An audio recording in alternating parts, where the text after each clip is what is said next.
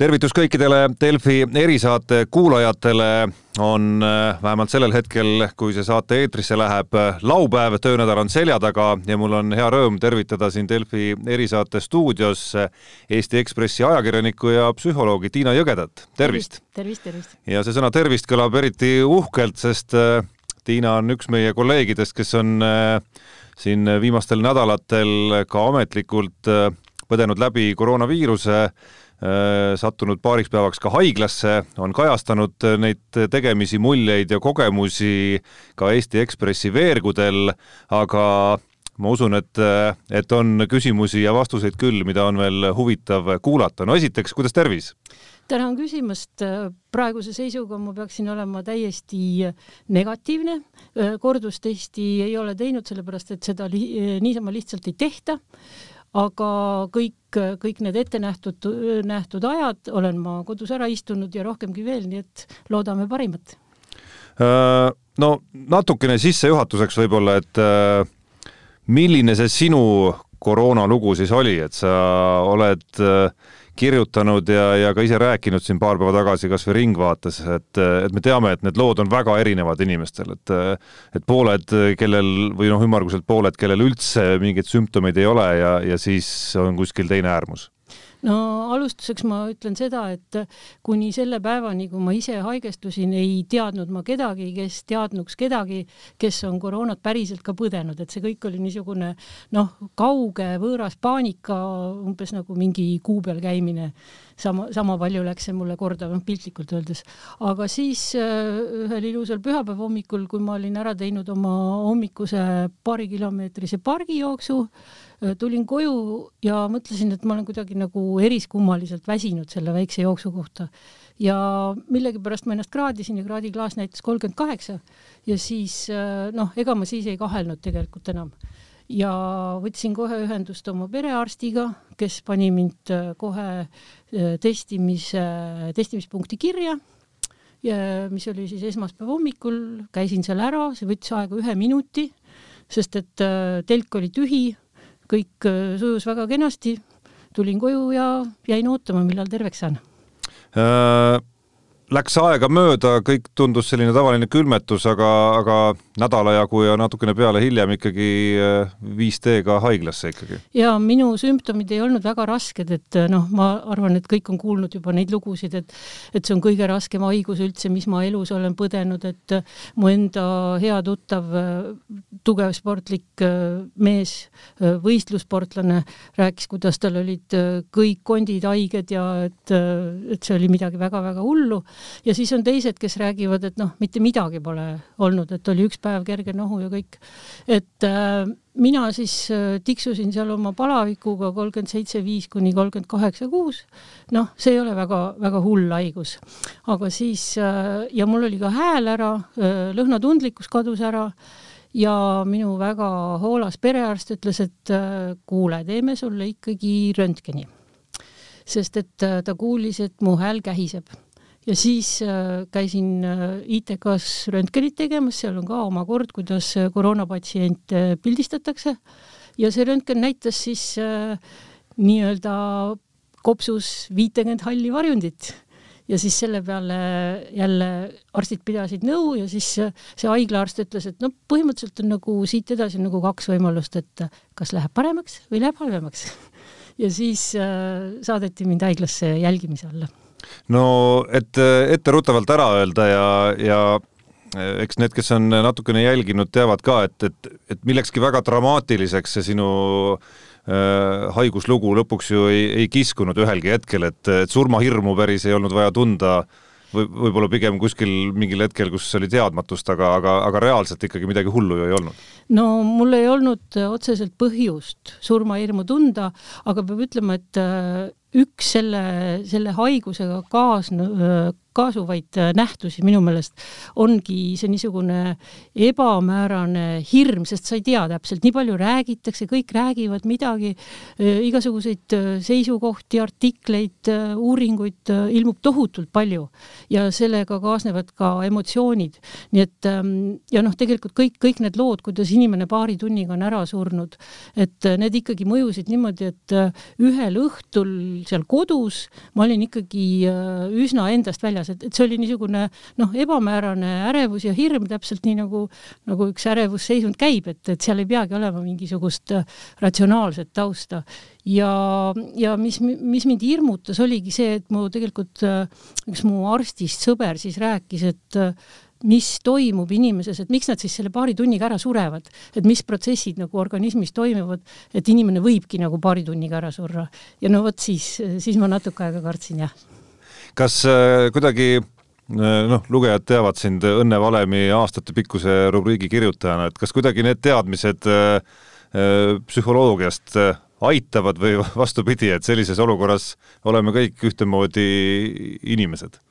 Sellises olukorras aitavad äh, psühholoogiaalased teadmised äh, kindlasti ja mitut moodi, et esiteks äh, sa oskad endale aru anda, mis on nagu ratsionaalne ja mis on irratsionaalne ja sa aktsepteerid ka neid irratsionaalseid tundeid, et need on ka siiski päris tunded.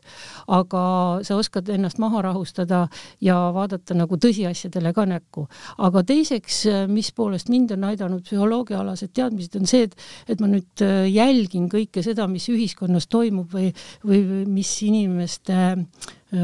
vaimus ja psüühikas toimub ja, ja need on väga huvitavad protsessid. nii? no arvestades kas või tänastki päeva, eks ju, kui tänavale tulid maskivastased, siis ma olen nüüd püüdnud aru saada. ma vahemärkusena et... ütlen siia jah kuulajatele, et, et me salvestame seda saadet reede õhtul ajal, kus, kus siis kas on lõppemaas või on veel käimas isegi Vabaduse väljakul ka maski kandmise vastaste meeleavaldus? no vot, et olen siis jälginud, et äh, mis argumentidele need inimesed äh, tuginevad, olen äh, lugenud kohusetundlikult ka vandenõuteooriaid ja maskivastaste teooriaid ja neid seisukohti, mida avaldavad ka arstid, et kogu see koroonapaanika on siin üle paisutatud. ühesõnaga, et ma olen püüdnud ennast kurssi viia, et millele need inimesed tuginevad, mis on nende argumendid ja kui tõsiselt neid tasub võtta, sest minu seisukoht on see, et et selleks, et ma saaksin oma peaga mõelda ja mingi otsuse langetada, ma pean äh, objektiivselt ja rahulikult analüüsima kõiki argumente, nii poolt kui vastuargumente. ja, ja natukene ma, tegelikult mitte natuke, vaid äh, isegi palju, ma mõistan neid äh, maskivastaseid, miks nad niimoodi käituvad ja mis neid ajendab see oli see osa tänasest saatest, kuhu ma plaanisin lõpupoole jõuda, aga kui me siis sujuvalt sinna juba tegelikult läksime, siis, siis oleks kohane mitte jätkata seda ikkagi küsimusega, et, et mida siis? et mis, mismoodi need mehhanismid toimivad, et, et miks nad ei usu, et, et koroonaviirust et koroonaviirus on olemas näiteks või, või miks nad arvavad, et et maski kandmine kuidagi teeb meid, ma ei tea, lammasteks, lambakarjaks? ma alustan iseendast kõigepealt, et kui kevadel see maski kandmise jutt tuli, siis ma olin üpris skeptiline ja lugesin läbi mingid artiklid, et kui suured on need koroonaosakesed, kui tihe on üks kangalõim ja käisin ja rääkisin, et noh, et maskil ei ole mingit mõtet, et see koroonaosake on äh, miljoneid kordi väiksem, eks ju, et mask ei kaitse. siis ma pöördusin jälle oma sõbrannast arsti poole, kes on kirurg, aastakümneid olnud ja tema ütles, et noh, meie kandsime kaheksakordseid marlimaske operatsioonil, et äh, tegime operatsioone ja, ja see kaitses. no siis ma tegin ka endale selle koleda kaheksakordse marlimaski, kõigepealt proovisin sellega käia, väga ebamugav oli, siis hakkasin õmblema ilusaid maske. Ja, ja samal ajal siis kogu aeg nagu õppisin kogu seda maskindust. Ja lõpuks äh, ikkagi kõiki argumente kaaludes ma jõudsin nii kaugele, et äh, pigem jaa kui ei et noh, seal absoluutseid tõdesid ei ole, aga lihtsalt nagu mõistlikum on äh, öelda jaa maskile. ja nüüd, kui me jõuame nende juurde, et äh, kes ei, siis äh, ei tolereeri seda maski kandmist, siis ma näen, et nendel inimestel on noh, hinges on hästi palju segadust, et nad püüavad selle maski eitamise kaudu tegelikult eitada hoopis muid asju. et äh, näiteks seda, et nad ei ole rahul äh, riigikorraldusega, nad ei ole rahul äh, valitsuse kommunikatsiooniga, nad ei ole rahul teiste asjadega, mitte tingimata maskiga. see mask on lihtsalt väljendus, mille kaudu on praegu nagu kõige lihtsam oma sõnumit edastada. huvitav on see, et ega ütleme, väga raske on vaielda ka äh, nende eriarvamustega, et, et, et mulle meenub siin üks üsna värske äh, vestlus sotsiaalmeediast, äh, kus meie enda Ekspress Meedia faktikontrollijatest üks siis nii-öelda natuke samal teljel vaidles seal inimestega ja, ja üritas sedasama maski teemat selgeks teha ja ja, ja seal üks vastus näiteks, mis kõlas, oli, et, et isegi kui kõik faktid näitavad nii, et ikka ma ei usu ja ei olegi või, vaja vaielda, et äh, nendel inimestel on ka pead otsas äh,. noh, kahju küll, kui see on nende valik, mina näen, et, et see küsimus on praegu pigem hügieeni küsimus. et äh, sada aastat tagasi said äh, Eesti maainimesed said mõisatallis peksa selle eest, et nad keeldusid endale ehitamast äh, kemmergut ja kemmergus käimast et äh, vana eestlane ütles ikka, et mis asja, et ma olen kogu aeg seal vao vahel käinud, et mis peenutsemine see siin on. eks ju, noh, nüüd me oma elu enam seal vao vahel väga ette ei kujuta. Äh, käsi peseme ka, mis ei olnud ka veel sada aastat tagasi sugugi normaalne. et see mask on antud hetkel praegu niisugune ühiskondliku kokkuleppe ja hügieeni küsimus, et ma ei näe, et seda oleks nagu väga raske või alandav täita. Et äh minu arust väga hästi sõnastas Erik Moora viimase Eesti Ekspressi juhtkirjas kogu selle maski nagu mõtte, et keegi ei ole ju üritanud väita äh, ühelgi hetkel, et mask on miski selline nagu ülim kaitse, vähemalt see nii-öelda tavakasutuses olev mask, et et ta ei garanteeri, et mina ei saa sinult viirust, kui sa oled haige ja vastupidi samamoodi, eks, et kui me siin äh, pikka aega vestleme. aga ta vähendab ikkagi tõenäosust, et see tõenäosus on see võtmesõna seal, mis omakorda siis äh, viib selleni, et äh, see viirus, maagiline viiruskordaja, eks ole, ehk siis viiruse levik üleüldse saab võib-olla mõne komakoha võrra natukene väiksem olema tänu nendele tõenäosuse vähenemistele ja selle võrra äkki ei pea me nii palju inimesi haiglas nägema lõpuks, kui, kui sina kas või pidid juba nägema ja mine sa tea, kuhu see välja võib viia. jah, see on huvitav, et äh, maskivastased on äh, võtnud oma kaitseingliteks äh, Ülle Madise ja Allar Jõksi, mõlemad siis äh, üks endine, teine praegune õiguskantsler, äh, kusjuures ei Madise ega Jõks ei räägi sellest, et maske poleks vaja kanda. et nemad kui juristid peavad tagama selle, et Eesti riigis kehtiksid seadused, mida on võimalik täita ja kui praegusel hetkel riik on tõesti võtnud vastu mingisuguseid regulatsioone, mis on lihtsalt nagu noh, mingisugune linnukese pärast, mis, mida tõesti ei ole võimalik, noh, me ei saa karistada neid inimesi, eks ju, see seadus tekitab veel rohkem segadust kui kasu, et selles mõttes on nii Madisel kui Jõksil õigus, aga nad ei ütle inimestele, et ärge pange maski ette. Nemad suhtlevad riigiga ja püüavad nagu ametnikelt saada korralikke toimivaid seadusi. no üks, mida just sügisese äh, selle laine jooksul minu arust on nüüd nagu rohkem märgata ja noh, eks see meeleavaldus on, on ju ka ilmselge äh, märk sellest, on äh, just see, kuidas eriti sotsiaalmeedias kõik need alternatiivsed eri ma ei oskagi öelda, eriarvamus on võib-olla veel kuidagi leebelt öeldud, et et need levivad oluliselt jõulisemalt, et, et siin mängivad ilmselt ju mitmed asjad rolli, et alustades sellest, et ongi kõik väga väsinud kogu sellest olukorrast kui ma üldse kellelegi mingeid etteheiteid teeks, siis ma teeksin seda äh, valitsuse kommunikatsioonibrigaadile, sest äh, minu meelest äh, on kogu seda kommunikatsiooni siiski suhteliselt kesiselt juhitud. et on jah, kevadest peale on Jüri Ratas oma väga kena kõue häälega lugenud ette neid äh, igapäevase haigestumise numbreid, eks ju äh,, on saadetud ekraanidele väga sümpaatsed esinejad Arkadi Popov ja Peep Talving, aga see, et praegu meil on nii palju maskivastaseid, see näitab, et see kommunikatsioon väga kaugele jõudnud ei ole. ja minu meelest äh, see ei ole viga ei Terviseametis, kes üritab siin imelikus olukorras oma tööd teha, see on puhtalt nagu kommunikatsiooniinimeste kohustus istuda maha ja mõelda välja strateegiad, mis inimestele nagu päriselt ka kahe kõrva vahele jõuaksid. no sa ise tegid ka üleskutse äh, nendele, kes ütlevad, et seda viirust pole üldse olemas, et kõik, kõik on täiesti fake nii-öelda, et tulge siis külla. ma saan aru, et äh, ei olnud tulijaid ei olnud jah, ma ei tea tegelikult, kas ma oleks neid sisse lasknud, sest et noh, minu vastutus oleks ikkagi nagu hoida inimesi, aga, aga see taandub jälle küsimusele, et kas on siis äh,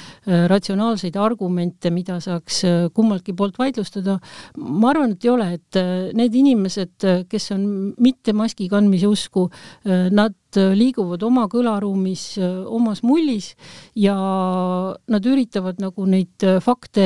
omal moel tõlgendada tõlgendada ja hakata neile, neid nagu ümber veenma lihtsalt, et kuidas sa nii loll oled, et kuidas sa aru ei saa, et pane mask ette, sa idioot. eks, et sellise jutuga me mitte ei tooda rohkem tarkust, vaid me toodame rohkem viha ja vihakõnet aga see ikka toob selle küsimusele tagasi, mida tegelikult äh, nii-öelda mis on ka küsimus meile meediana, et et, et mismoodi oleks siis õige läheneda, et selge, et öelda, et sa oled loll, mis jama sa ajad, et, et see ei muuda kedagi oma arvamust muutma?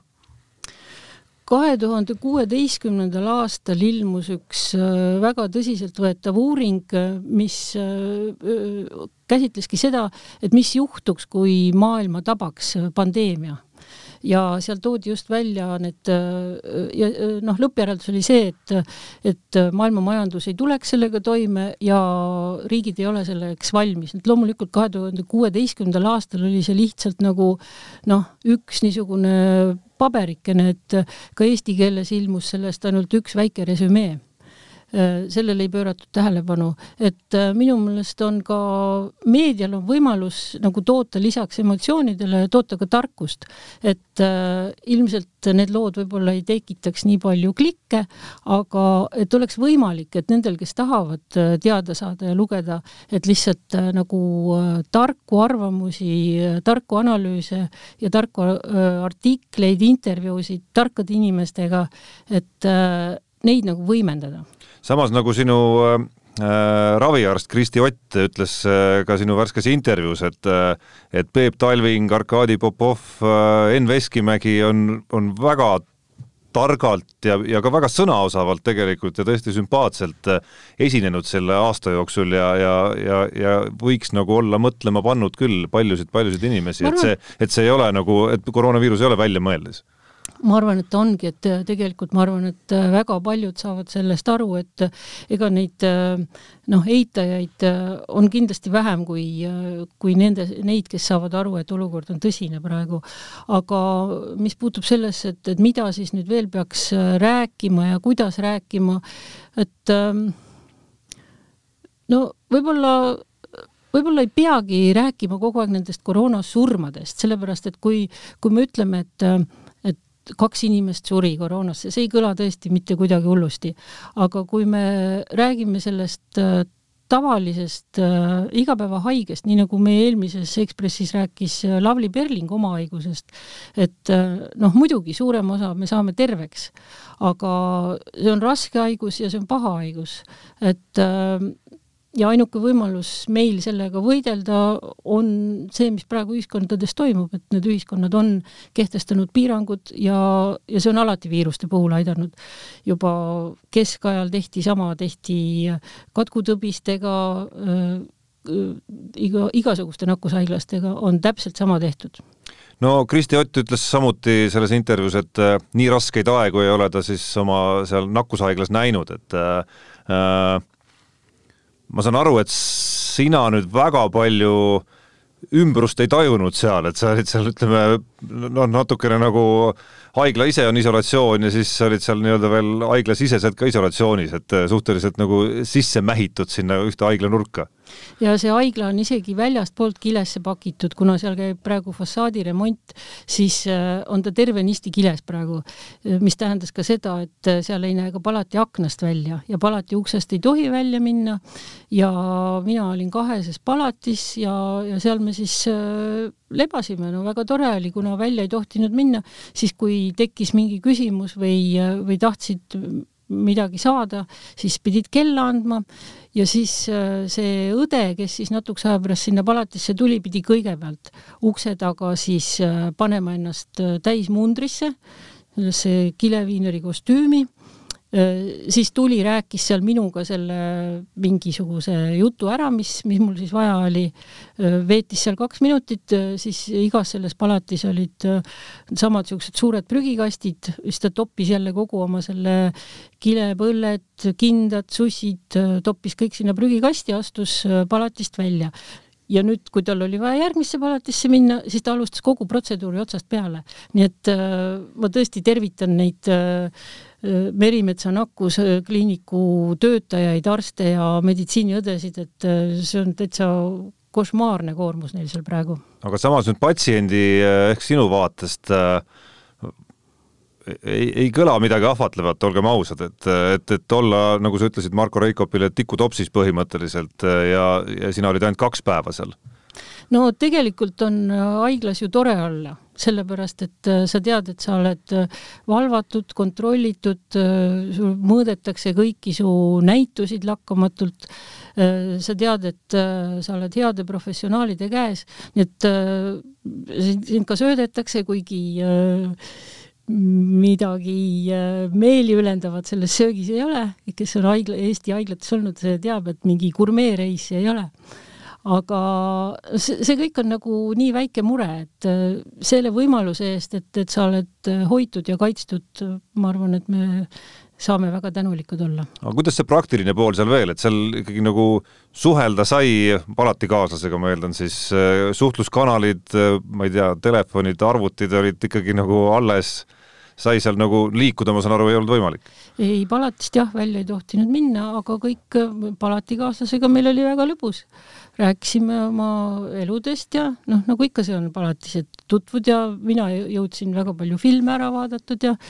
ja saab raamatuid lugeda, et selles mõttes on ju tänapäeval on ju haiglas kena olla, et vanasti oli see, et kõik kogunesid kuskile mingisse puhkenurka ja siis käis võitlus tele, telekapuldi pärast, et kes, kes, mis saadet saab vaadata, aga tänapäeval vaatab ju igaüks vaatab oma, oma telefonist, mis meeldib aga sinu äh, kirjeldustest, artiklites äh, lugesin ma välja ka oluliselt ebameeldivamaid äh, seikasid ja, ja vaatepilte, et olgu need kõhuli lamavad mehed või, või haiglasse jõudnud beebid? jaa, et ei ole sugugi niimoodi, et et koroonapatsient on selline kaheksakümmend pluss juba iga, kõik kulunud organitega äh, vanur, eks ju, et kui, kui me niimoodi seda asja ette kujutame, siis on tõesti lihtne öelda, et äh, noh, vana inimene, eks ju, et äh, mis seal ikka siis. aga on tõesti niimoodi, et on imikuid, kes, kes on, ei olnud mitte asümptomaatilised, vaid olid kõrge palavikuga, neid on muidugi väga vähe, üksikuid ja noh, tegelikult neid väga raskes seisundis äh, patsiente ongi üksikuid, jumal tänatud. aga me ei tea seda kunagi ette, et äh, noh, ma olen siin ka nüüd kuulnud äh, mitmesuguseid lugusid, kus noh, inimene oli veel, alles sõitis jalgrattaga, eks ju, pealtnäha meie vaates nagu noh, enam-vähem minu vanune, ma, ma ei täpsusta siis aga noh, normaalselt toimiv inimene ja siis äh, haigestus koroonasse, oli palavikus kodus, äh, lõpuks viidi haiglasse ja haiglast äh, pani sotsiaalmeediasse, postitas, et oh, et ma sain veel mingisuguse hea hingamisaparaadi siin, eks ju, ja kahe tunni pärast oli surnud. et selle haiguse noh, iseloomulik tunnus ongi see, et ta, ta võib käituda täiesti ebaloogiliselt. ehk siis äh kuigi isiklikult noh, ei olnud see nagu sümptomite mõttes mingisugune nagu väga üle, üle, üleinimlik katsumune selle haiguse läbipõdemine ja isegi koos haiglas käiguga, siis, siis ma kujutan ette, et see käik sinna ikkagi ja, ja osa neid stseene ja, ja see hirm, mida sa kirjeldasid, et, et, et see oli kõik pigem selline väga mõtlemapanev kogemus. no igatahes ta andis mulle selle teadmise, et, et see haigus ei ole välja mõeldud, sest et kui ma nüüd mõtlen sellesama oma raviarsti Kristi Oti peale, eks ju, ta on kolmkümmend kaheksa aastat seal majas töötanud. ta on näinud kõiki haigeid, alates HIV-positiivsetest kuni lõpetades mingite pioneerilaagri äh, kõhulahtisuse puhangutega, eks ju. ja kui tema ütleb, et äh, tema elus ei ole, noh, tööelus ei ole mitte kunagi nii raskeid aegu varem olnud, siis, äh, siis ma usun teda no üks teema selle viiruse juures mida sa puudutasid ka oma lugudes äh, ja mis ma kujutan ette psühholoogina on veel eriti lih-, eriti huvitav nähtusena, on see nagu häbipool selle koroonaviiruse juures, et see mõttemaailma pool, mis kaasneb selle noh, haiged me oleme ju, ju kõik olnud ja, ja enamasti ja enamik meist ikka korra aastas vähemalt oma ühe külmetuse vähemalt saab kätte, aga aga mul seda ühte seika lugedes mulle meenus üks äh, sõbranna Võrust, kes oli siis kevadise Äh, selle laine üks osalisi sellel kurikuulsal äh, peol osaleja ja, ja sealt selle viiruse saaja ja kes ka siis rääkis sellest, kuidas mis siis hakkas nagu nii-öelda väikses kohas, äh, väiksemas linnaosas toimuma, kui ümberringi ütleme, naabrid ja, ja veel nii edasi said teada, et, et ta seda viirust kannab, eks. et, et selline nagu pidalitõbise tunne tekkis natukene, et, et päris kaua läks aega, et pääseda justkui nagu valge lehena inimeste juurde tagasi oma elu elama ja see noh, kas häbitunne isegi on võib-olla nagu liiga rängalt öeldud, aga selline noh, nagu ebamäärane süütunne oli mul ka, et et tõesti, et ma jõudsin selle kahe päevaga, mis oli siis enne seda, kui mul sümptomid välja lõid ehk palavik tõusis, käisin ka sõbrannadega kohvikus. Ja kui siis mulle tuli see positiivse teade, siis ma helistasin loomulikult kohe neile ja ütlesin, et noh, teil, teil võib olla, kusjuures ma palusin Terviseametit, et, et palun ärge helistage neile enne, kui ma olen ise helistanud, sest mulle tundus see nagu äh, liiga, äh, liiga kohutav, kui sulle helistatakse Terviseametist ja öeldakse, et te olete posi- või noh, te võite olla positiivne, et ma ikkagi rääkisin nende sõbrannadega enne ise ära ja hoiatasin, et noh, et võib tulla selline telefonikõne. Ja siis äh, nad läksid ka siis äh, mõlemad äh, mõne päeva pärast käisid teste tegemas ja olid ka positiivsed. et äh, vot siis, siis mul oli tunne, et noh, et äh, äkki ma olen nagu süüdi selles, noh, kuidas võtta, eks ju, et äh, esiteks me ei tea üldse, ma ei tea sedagi, kus mina nakatusin. Äh,, me ei tea seda. Et sellepärast on see mask ka nagu hea, et see on ainuke asi, mida sa saad teha eks ju, et siis sa saad nagu äh, sa ei tekita endale karmapõlga, et sa vaatad peeglisse, et jah, ma tegin kõik, ma ei saanud kedagi nakatada, kui mul see mask ees on. aga ühesõnaga, et äh, jah, see sõbrannadele teavitamine oli selline moment, et noh, nüüd ma keeran nende elud ka paariks nädalaks tuksi, eks ju, äh, mida ma kahtlemata ka keerasin või noh, kas siis mina, eks ju, et see haigus neil, et pidid nad, nemadki kodus istuma ja ka nende lähedased ja noh, tegelikult see üks, see minu äh, minu haigus tegelikult mõjutas väga paljusid inimesi, noh, alates sellest, et, et terve meie Ekspressi toimetus löödi kohe koju, kuigi ma ei olnud äh,, ei olnud tööl käinud ka mitu päeva, sest me olime niikuinii kodukontoris. ühesõnaga, need äh, ettevaatusabinõud on praegu maksimaalsed ja võib-olla nad on, on isegi kahesajaprotsendilised ja, ja see on ka see põhjus, miks inimesed on nii, äh, nii frustreeritud, eks ju, et äh, ikkagi kogu see tavaline elu on meil, äh, mida me elasime veel kaks tuhat üheksateist, et see on ju läinud, meil ei ole seda elu enam. no isegi kaks tuhat kakskümmend algus oli veel, kuigi kuskil kaugel, kuskilt kaugelt tuli uudiseid mingisugusest koroonaviirusest Hiina poolt, aga ja, ja mingil hetkel ka Itaaliast, aga, aga uskumatu, kui äkitselt see, see kõik pöördus ja ma ise elasin ka veel äh, veebruaris, elasin veel täitsa normaalset elu ja sõitsin lennukiga ja, ja, ja puhkasin ja, ja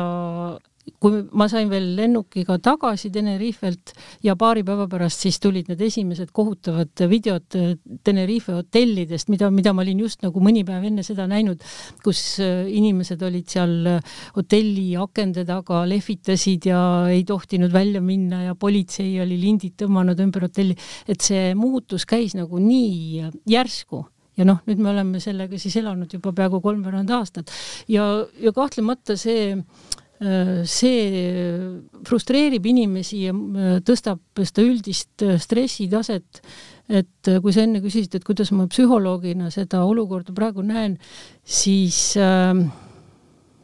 ma ise ei võta juba ammu kliente vastu psühholoogina. ja mind on nagu selles mõttes isegi ära unustatud, aga viimasel ajal ma, ma saan nagu järjest pöördumised, kuule, et kas sa ise võtad vastu, kas sa tead kedagi, kedagi soovitada, kas sa tead, kuhu pöörduda, et sellist asja ei ole mina varem kohanud. et inimestel tegelikult on järjest rohkem abi vaja. ja noh, keerukus ju ikkagi nüüd psühholoogilisest vaatepunktist on see, et, et me ei tea, kaua, kaua veel ja ka see ei ole ainult noh, muidugi psühholoogiline, aga aga inimestel on ikka päriselt ka näpud põhjas. et kui sul on vaja maksta kodulaenu, eks ju, ja see kodulaen on sul kaks korda suurem kui see mingisugune abiraha, mis sa praegu saad, ja sul on lapsed kodus, et me tegelikult, me ei kujuta seda igapäevaelu ette ja, ja siis öelda sellisele inimesele, et, et ole vait ja pane mask ette, kes, kes peab oma lapsi millegagi toitma, eks ju, et see ei ole nagu riigi poolest aus. Ja siis söödetakse meile mingisuguseid pseudoteemasid, noh, justkui tähelepanu kõrvalejuhtimiseks, et kõik need abielu defineerimise küsimused, mis ei ole absoluutselt olulised, et äh, riik peaks andma meile vastuseid, kuidas, kuidas selle praeguse olukorraga toime tulla, kuidas, kui päriselt toime tulla, maskiga või ilma aitäh, Tiina, selle jutuajamise eest. utsitame selle lõpetuseks kindlasti hoidma distantsi, kandma ikkagi maski siseruumides. sööge, sööge vitamiine ja ega tegelikult see hanerasv ka paha ei tee. no värske õhk, enda liigutamine ja, ja võimalikult vähe muretsemine, hästi magamine ja nii edasi, nii edasi, et. ja aga ma ütleks veel seda, et, et kui on juba haigustunnused, siis äh, ärge jääge lihtsalt põdema ja hanerasvaga ennast määrima, et, et, et kindlasti tasub võtta arstiga ühendust. Aitäh, Tiina, veel kord, soovime tervist äh, siin stuudios ja kõikidele kuulajatele, järgmine erisaade eetris juba esmaspäeval